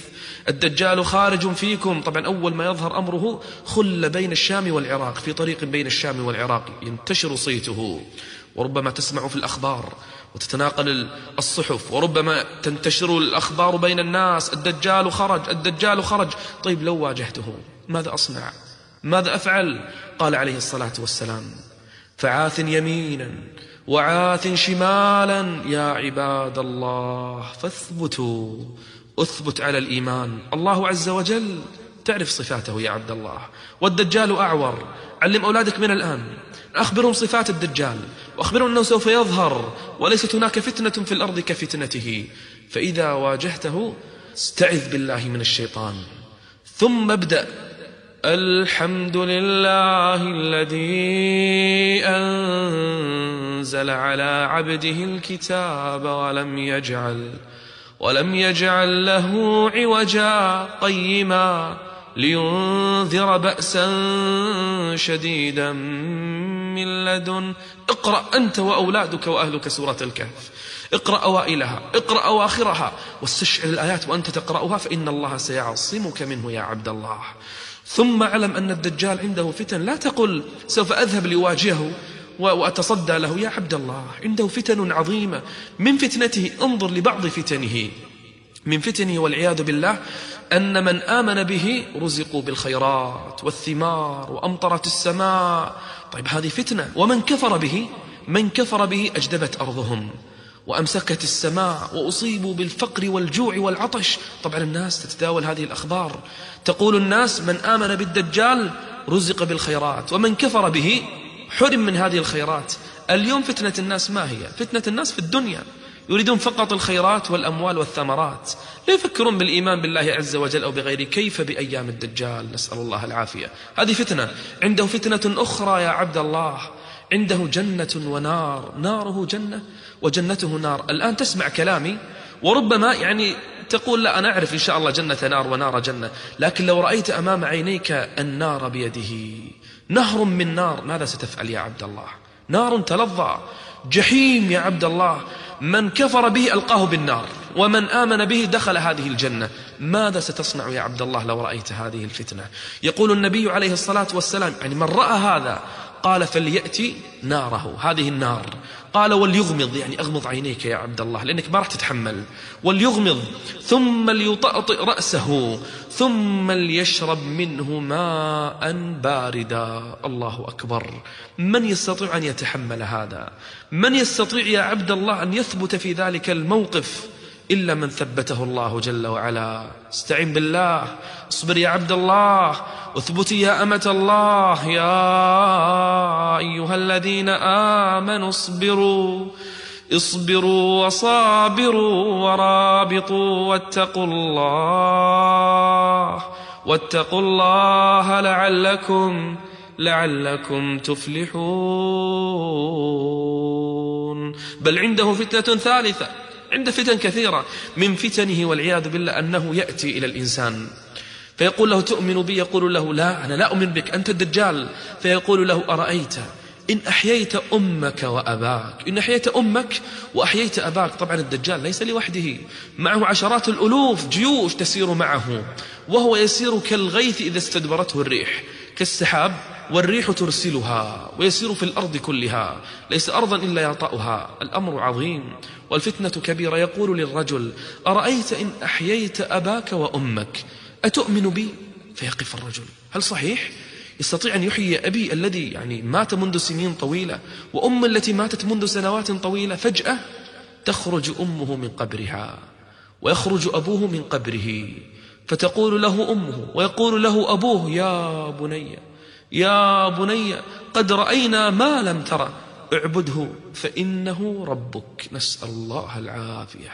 شيطانان يتمثلان بصورة أمه وأبيه فيقولان للرجل يا بني يا بني أطعه فإنه ربك تدارك نفسك يا بني يا عباد الله فاثبتوا. يا عباد الله فاثبتوا. فتنة في الأرض لا تمر على الأرض مثل هذه الفتنة. والناس يتحصنون بالجبال. تقول لي أين المجاهدون؟ لم لا يقاتلونه؟ تقول لي أين المؤمنون المرابطون؟ أين هم؟ أين هم؟ إما متحصنون بالجبال أو اختبأوا في بيوتهم أو تحصنوا بمكة أو بالمدينة. بل يذهب الدجال يريد أن يدخل المدينة والعياذ بالله. يريد أن يدخلها لكنه لا يستطيع. فيقف عند جبل من جبالها وشعب من شعابها. فيرى المسجد النبوي.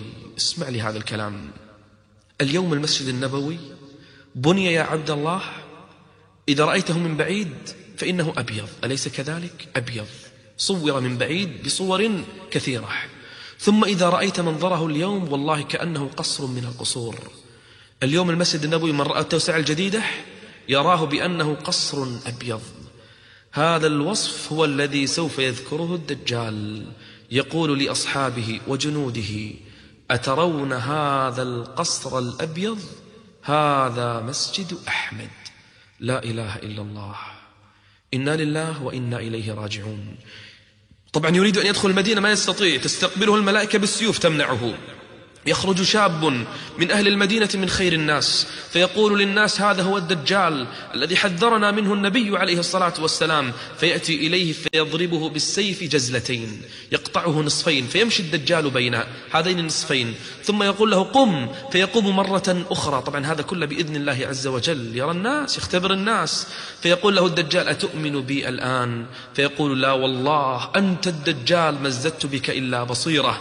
أنت الذي حذرنا منه النبي عليه الصلاة والسلام. فيريد الدجال أن يقتله مرة أخرى فلا يسلط عليه لا يستطيع.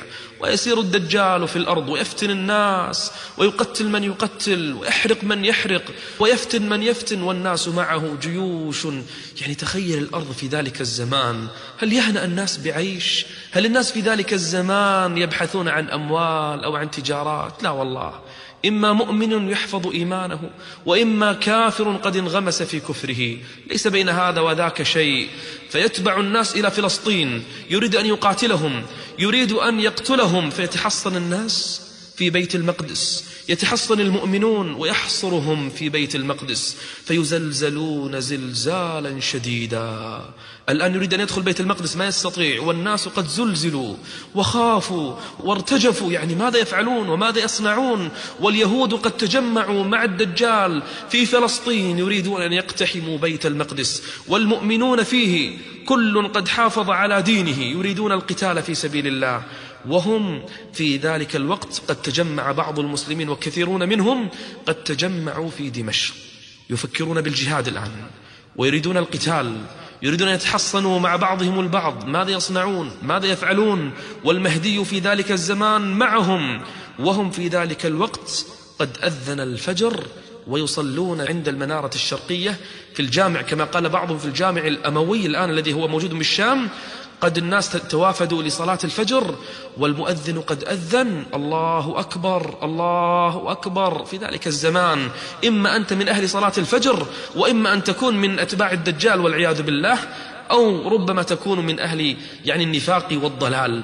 فإذا بالناس يتوافدون إلى صلاة الفجر فإذا بهم يسمعون أن الغوث قد جاءكم. أن الغوث قد جاءكم. يا أيها الناس يا أيها الناس أتاكم الغوث أتاكم الغوث. فيقول الناس ما الخبر؟ ما الخبر؟ فإذا بعيسى ابن مريم ينزل على أجنحة ملكين. الله أكبر والناس تنظر. من هذان الملكان؟ ولم ينزلان الآن علينا؟ إن على أجنحتهم عيسى ابن مريم. قال الله جل وعلا وإن من أهل الكتاب إلا ليؤمنن به إلا ليؤمنن به قبل موته ويوم القيامة يكون عليهم شهيدا أين الدجال الآن؟ في فلسطين تحصن هو واليهود وأتباعه من الضلال المشركين الكفار وبعض المسلمين في بيت المقدس يتزلزلون متحصنين في بيت المقدس وجيش من المسلمين الآن في الشام في دمشق ومعهم المهدي وعيسى بن مريم قد نزل وأقام الناس صلاة الفجر. فإذا بعيسى بن مريم يدخل في الصلاة فيقول المهدي لعيسى تقدم تقدم يا نبي الله. فيقول عيسى بن مريم لا أنت صلي بالناس. إمامهم يقول النبي صلى الله عليه وسلم وإمامكم منكم. ينزل عيسى بن مريم رجل إذا طأطأ رأسه قطر وإذا رفعه تحدر منه جمان كاللؤلؤ جمان كاللؤلؤ. يقول النبي عليه الصلاة والسلام إني لأرجو إني لأرجو أن يطال بي في العمر. فألقى عيسى بن مريم قال فإن عجل بي موتي يعني إذا مت قبل أن أجد عيسى بن مريم فمن لقيه منكم فليقرئه مني السلام. فليقرئه مني السلام. الله أكبر. من هذا؟ إنه عيسى بن مريم يا عباد الله. الناس الآن كلهم فرحون كلهم مستبشرون بعد الخوف الذي أصابهم بعد الرعب الذي نزل بعد الفتنة العظيمة التي جاءتهم من الدجال. طبعا كل أربعين يوم هذه الفتنة. والمهدي لا يمكث في الأرض إلا سبع سنين أو ثماني. وكذلك عيسى بن مريم كلها سنوات قليلة معدودة. وبعد أن يصلي المؤمنون الفجر ماذا يصنع عيسى بن مريم؟ يقوم عيسى بن مريم في الناس فيأخذ حربته أي يبدأ القتال في سبيل الله. من يقودهم؟ إنه نبي الله. إنه عيسى بن مريم روح الله وكلمته. فإذا به يبدأ القتال. عيسى بن مريم لا يحل لكافر يراه إلا ويموت. يذوب كما يذوب الملح في الماء. لا يحل لرجل كافر يجد نفسه إلا ويموت. إنه نبي الله. فيخرج المؤمنون يكبرون ويبدأ الجهاد في سبيل الله ويبدأ القتال. فيذهب عيسى بن مريم إلى فلسطين. وإذا بالدجال يسمع بالأمر وإذا باليهود يريدون القتال لكنهم لما يسمعون أن عيسى بن مريم مع المؤمنين يختبئون خلف الأحجار ويختبئون خلف الأشجار ويبدأ المسلمون يقتلون فيهم حتى يقول الحجر والشجر يا مسلم يا مسلم يا عبد الله هذا يهودي ورائي فتعال فاقتله فتعال فاقتله الله أكبر. إنه الجهاد في سبيل الله إنه القتال. وفي النهاية يرى عيسى بن مريم الدجال من بعيد فيبدأ الدجال بالذوبان. يهرب يريد الخلاص ويبدأ يذوب ويذوب. لكن يسلط الله عز وجل عيسى على الدجال فيضربه ضربة برمحه فيقتله بها. الله أكبر الله أكبر. قل جاء الحق. قل جاء الحق وزهق الباطل إن الباطل كان زهوقا. ربما تكون يا عبد الله أنت في جيش عيسى ربما تقاتل مع المهدي ربما تقاتل في سبيل الله. ويكتب الله عز وجل نصر الإسلام على يديك لما لا يا عبد الله تجهز. من لم يغزو ولم يحدث نفسه بالغزو مات على شعبة من نفاق.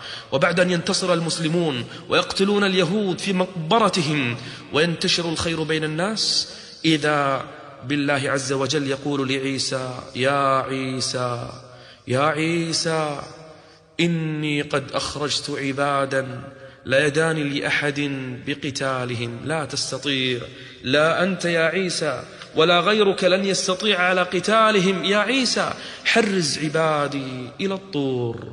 حرز عبادي إلى الطور. يا عبد الله آيات آيات ربما نراها وربما نشاهدها.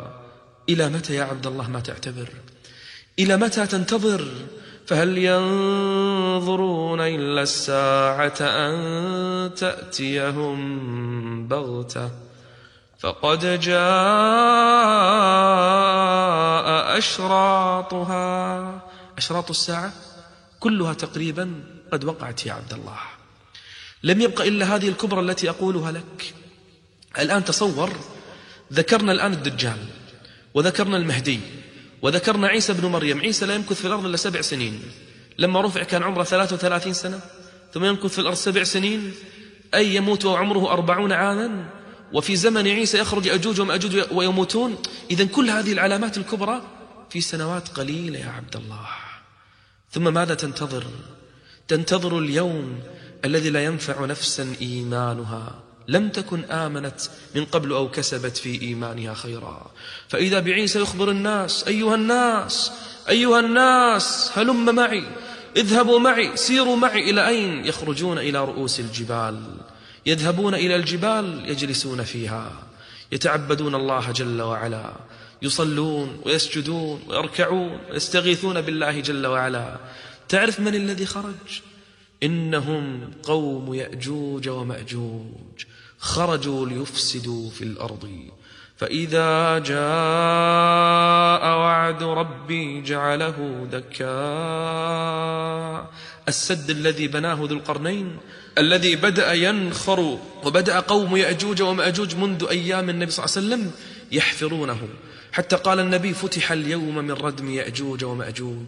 قدر هكذا وحلق السبابة مع الإبهام أي بدأوا بالحفر وبدأوا بهدم السد في ذلك اليوم.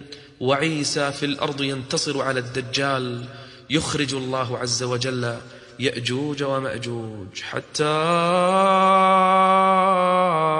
إذا فتحت حتى إذا فتحت يأجوج ومأجوج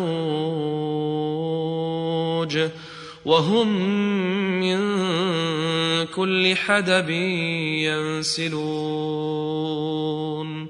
واقترب الوعد الحق فإذا هي شاخصة أبصار الذين كفروا يا ويلنا قد كنا ظالمين. يخرج يأجوج ومأجوج في الأرض فلا يدعون فيها أخضرا ولا يابسا ولا إنسانا ولا حيا إلا سفكوا دمه وقتلوا من قتلوا وأكلوا ما أكلوا حتى يأتون على بحيرة كاملة فيشربونها فيأتي آخرهم لا يرى في البحيرة شيئا. أين المؤمنون؟ يستغيثون الله عز وجل. على رؤوس الجبال تخيلوا الرجال والنساء والأطفال كلهم قد تجمعوا على رؤوس الجبال. وعيسى بن مريم معهم يدعون الله جل وعلا ويستغيثون ربهم جل وعلا.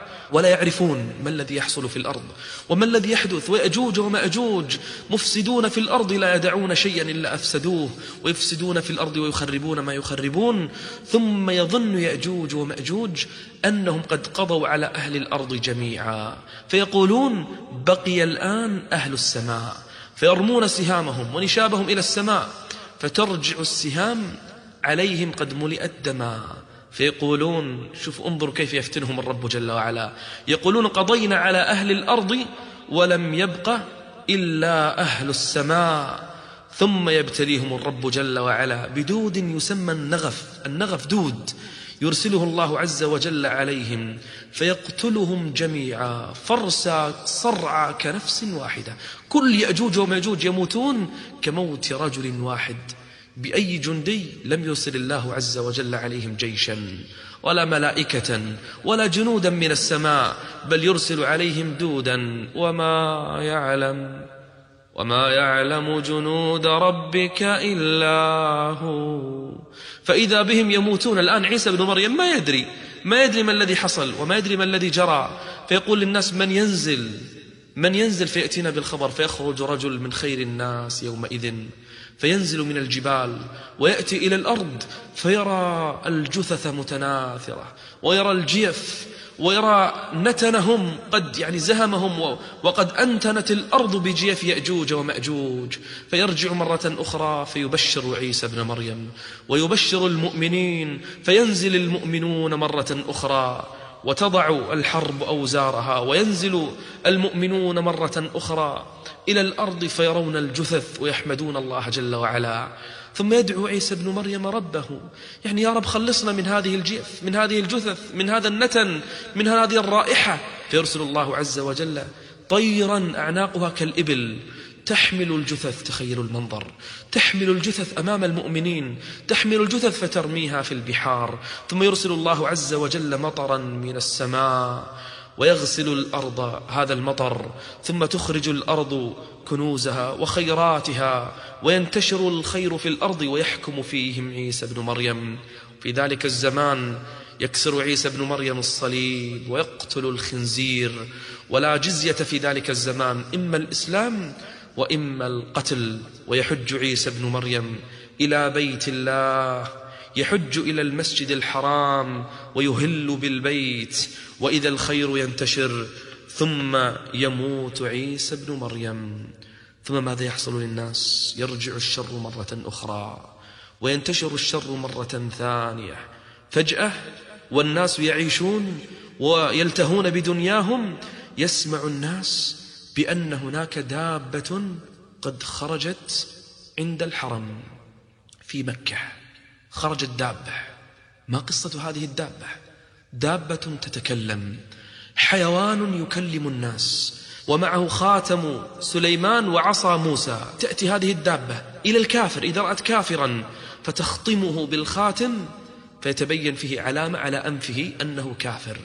وإذا رأت مؤمنا جلت وجهه بالعصا. فإذا الناس يعيشون ويقولون للرجل يا كافر ويقولون للرجل يا مؤمن يا ويله من ختمت على أنفه بأنه كافر.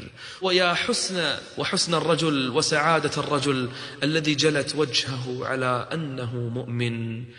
أي دابة هذه؟ وماذا يحصل في الكون؟ وأي نواميس يعيشها الناس؟ ما الذي يحصل؟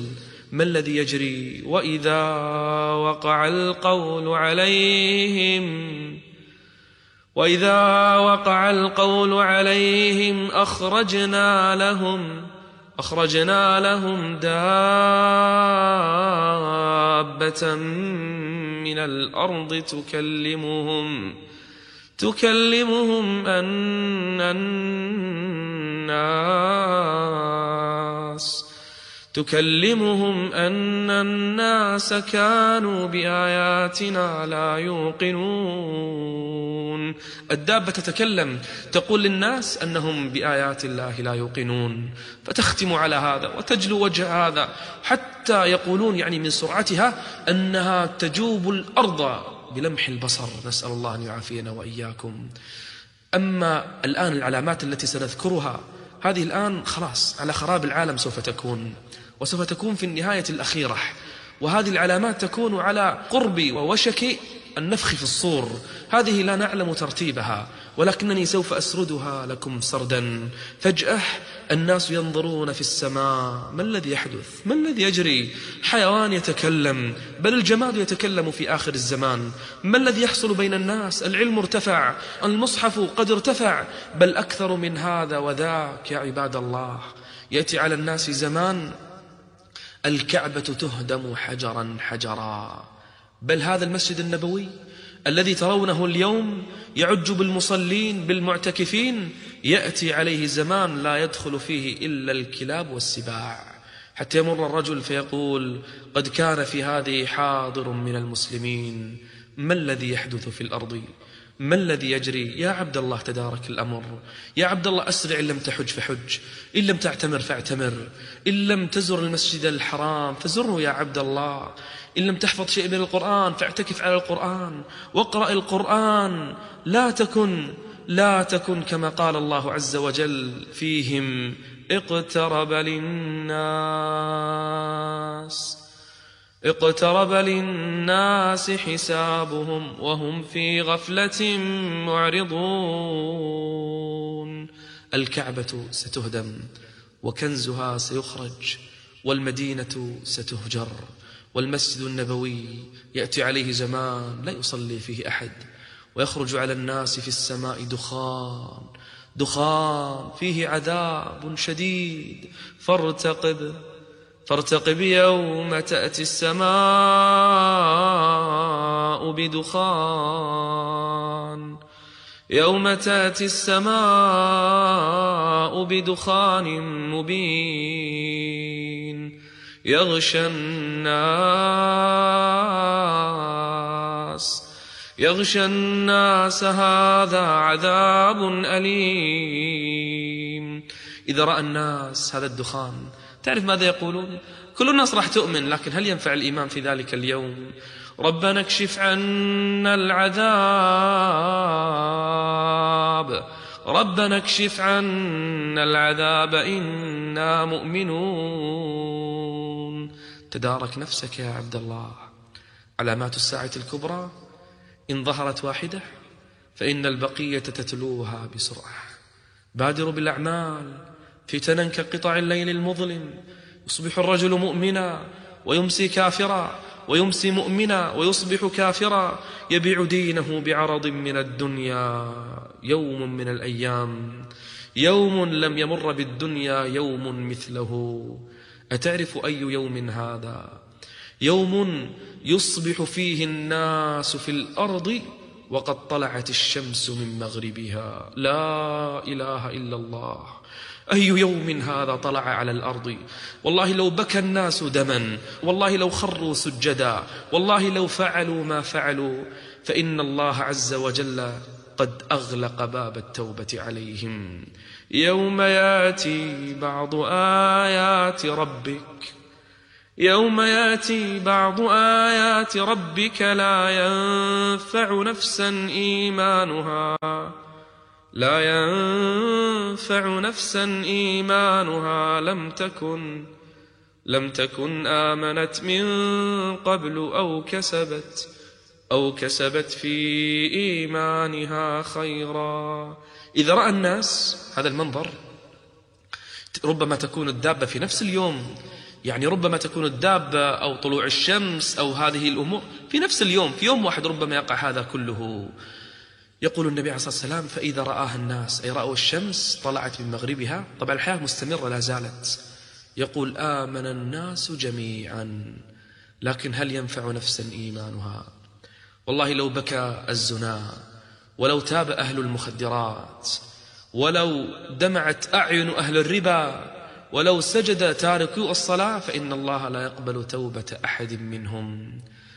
قال الله يوم يأتي بعض آيات ربك لا ينفع نفسا إيمانها. لم تكن آمنت من قبل أو كسبت في إيمانها خيرا. عبد الله بادر بالتوبة من الآن. لا تقل إذا رأيت هذه العلامات سوف أتوب. أقول لك علامات الساعة الكبرى. والله لن يثبت فيها إلا الصادقون. إلا المؤمنون حقا إلا الذين دخل الإيمان في قلوبهم إلا الذين خالط الإيمان نفوسهم إلا الذين قرأوا القرآن وحافظ السنة. يا عبد الله من الآن استعد. سوف يكون في آخر الزمان تسمع بخسوفات. نعم خسوفات كثيرة وقعت في الأرض لكن في آخر الزمان سوف تقع ثلاث خسوفات عظيمة منها خسف بالمغرب وخسف بالمشرق. وخسف بجزيرة العرب. ما الذي يحدث؟ نواميس الكون تختل. ما الذي يجري؟ القوانين بدأت تختل يا عبد الله. ما الذي يحدث؟ الأرض تتبدل الشمس تخرج من مغربها الحيوانات تتكلم الجماد ينطق الدخان يخرج في السماء الأرض تنخسف الزلازل تكثر الكعبة هدمت المصاحف رفعت الأرض لا يقع فيها لا يوجد فيها حتى من يقول الله الله. المؤمنون قبضت أرواحهم تخرج ريح من اليمن تقبض أرواح المؤمنين. لم يبق في الأرض إلا شرار الناس. يا ويلأ يا ويل من لم تقبض روحه. إذا بقي مع شرار الناس. إذا بقي مع الذين سوف تقوم الساعة عليهم. بقي مع الشرار الذين لا يقبل الله منهم صرفا ولا عدلا. يا عبد الله تجهز من الآن. يا أخي الحبيب أدرك نفسك من الآن. احرص على التوبة. احرص على القرآن أكثر من الأذكار استغث بالله علم أولادك علم أهلك ذكرهم بما ذكرتك به الآن أخبرهم أن الساعة قد اقتربت أخبرهم أن القيامة قد أوشكت أزفت الآزفة ليس لها من دون الله كاشفة عبد الله أخبرهم أن الساعة قريبة وما يدريك لعل الساعة تكون قريبا ثم فجأة تخرج على شرار الناس. نار من اليمن نار عظيمة. تخرج ثم تسير في الأرض ثم تجري في الأرض. نار تحشر الناس تبعد الناس تخوف الناس والناس ينقسمون على طرق وأفواج. فوج راغبون طاعمون كاسون راكبون عندهم دواب يسرعون يهربون من هذه النار. إلى أي جهة؟ طبعا النار تخرج من الجنوب من اليمن. وتحشر الناس إلى الشام. تأكلهم أكلا تحشرهم وتخوفهم إلى الشام. فيسرع الناس منهم من عندهم المراكب والدواب. ومنهم فوج يمشون تارة ويركبون تارة. اثنان على بعير ثلاثة على بعير أربعة على بعير. يركبون تارة هذا تارة يمشي وهذا تارة يركب. ويهربون ربما يصيبهم شيء من النار لكنهم ينجون. وصنف تحشرهم النار فتحيط بهم من ورائهم فتأكلهم النار. ثم يسيرون ثم يسيرون إلى الشام. طبعا في ذلك اليوم لا في مصاحف ولا في صلاة ولا في عبادة ولا في أهل إيمان ولا يقال في الأرض حتى كلمة الله لا ينطق بها في الأرض.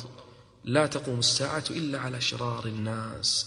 فيهرب الناس ويهربون ويسيرون. فإذا بهم يجتمعون في أرض الشام. في ذلك اليوم يأذن الله عز وجل بنهاية هذه الدنيا وبنهاية التاريخ بأن يقف الزمن وبأن ينتهي كل شيء كل من عليها كل من عليها فان. ويبقى وجه ربك ويبقى وجه ربك ذو الجلال والإكرام. يا ويل من كان مع شرار الناس وشرار القوم فتقوم الساعة على رأسه. عبد الله قول عليه الصلاة والسلام كيف أنعم ونافخ الصور قد التقم القرن. يعني مستعد. متى يؤذن له فينفخ في الصور. يقول كيف أنعم بعيش وكيف يهنأ لي بال وكيف يقر لي قرار ونافخ الصور الآن مستعد لأن ينفخ في الصور. عبد الله هذه ذكرى وهذه موعظة. أنا أجزم بأن الساعة قريبة وأنا أعلم أن الساعة قد اقتربت فالقمر قد انشق وأكثر العلامات الصغرى قد وقعت وربما بعض العلامات الصغرى لن يقع الآن إلا مع العلامات الكبرى. ونحن الآن نستعد لنهاية التاريخ ولزوال هذا العالم. لا تجلس وتقول لي إذا الآن أنتظر قيام الساعة ولن أفعل شيئا. بل اجتهد. بل كما علم النبي عليه الصلاة والسلام أصحابه قال إذا يعني كان بيد أحدكم فسيلة وسمع نافخ الصور ينفخ فليغرسها أي ليفعل العمل الصالح. وبادروا بالأعمال. قل للذين لا يؤمنون اعملوا على مكانتكم. إن عاملون اعمل يا عبد الله. ولا تقل انتظر قيام الساعة. اعمل بطلب العلم بالدعوة إلى الله بالصلاة بالعبادات. استعد يا عبد الله لقيام الساعة بالعمل الصالح بطلب العلم بنشر الخير. بل اعلم أنه من سن سنة حسنة فله أجرها وأجر من عمل بها إلى يوم القيامة. لا تقل إذا بعد هذه المحاضرة ماذا نفعل وماذا نصنع؟ لما نعمل ولما نتكسب ولما نجتهد ولما نطلب العلم ولما ندرس ولما نفعل ولما نفعل. أقول لك يا عبد الله بادر بالعمل. حتى ولو كانت الساعة ستقوم الآن اعمل يا عبد الله واجتهد. وتب إلى الله جل وعلا. إياك إياك. إياك إياك أن تأتي هذه العلامات ولم تستعد لها. فإن أهل الجهاد ليسوا هم أهل الغناء والطرب. ليس هم الذين يتركون الصلاة ويهجرون القرآن وقل ذكرهم لله. ليسوا هم أهل الربا والزنا والخمور والفواحش.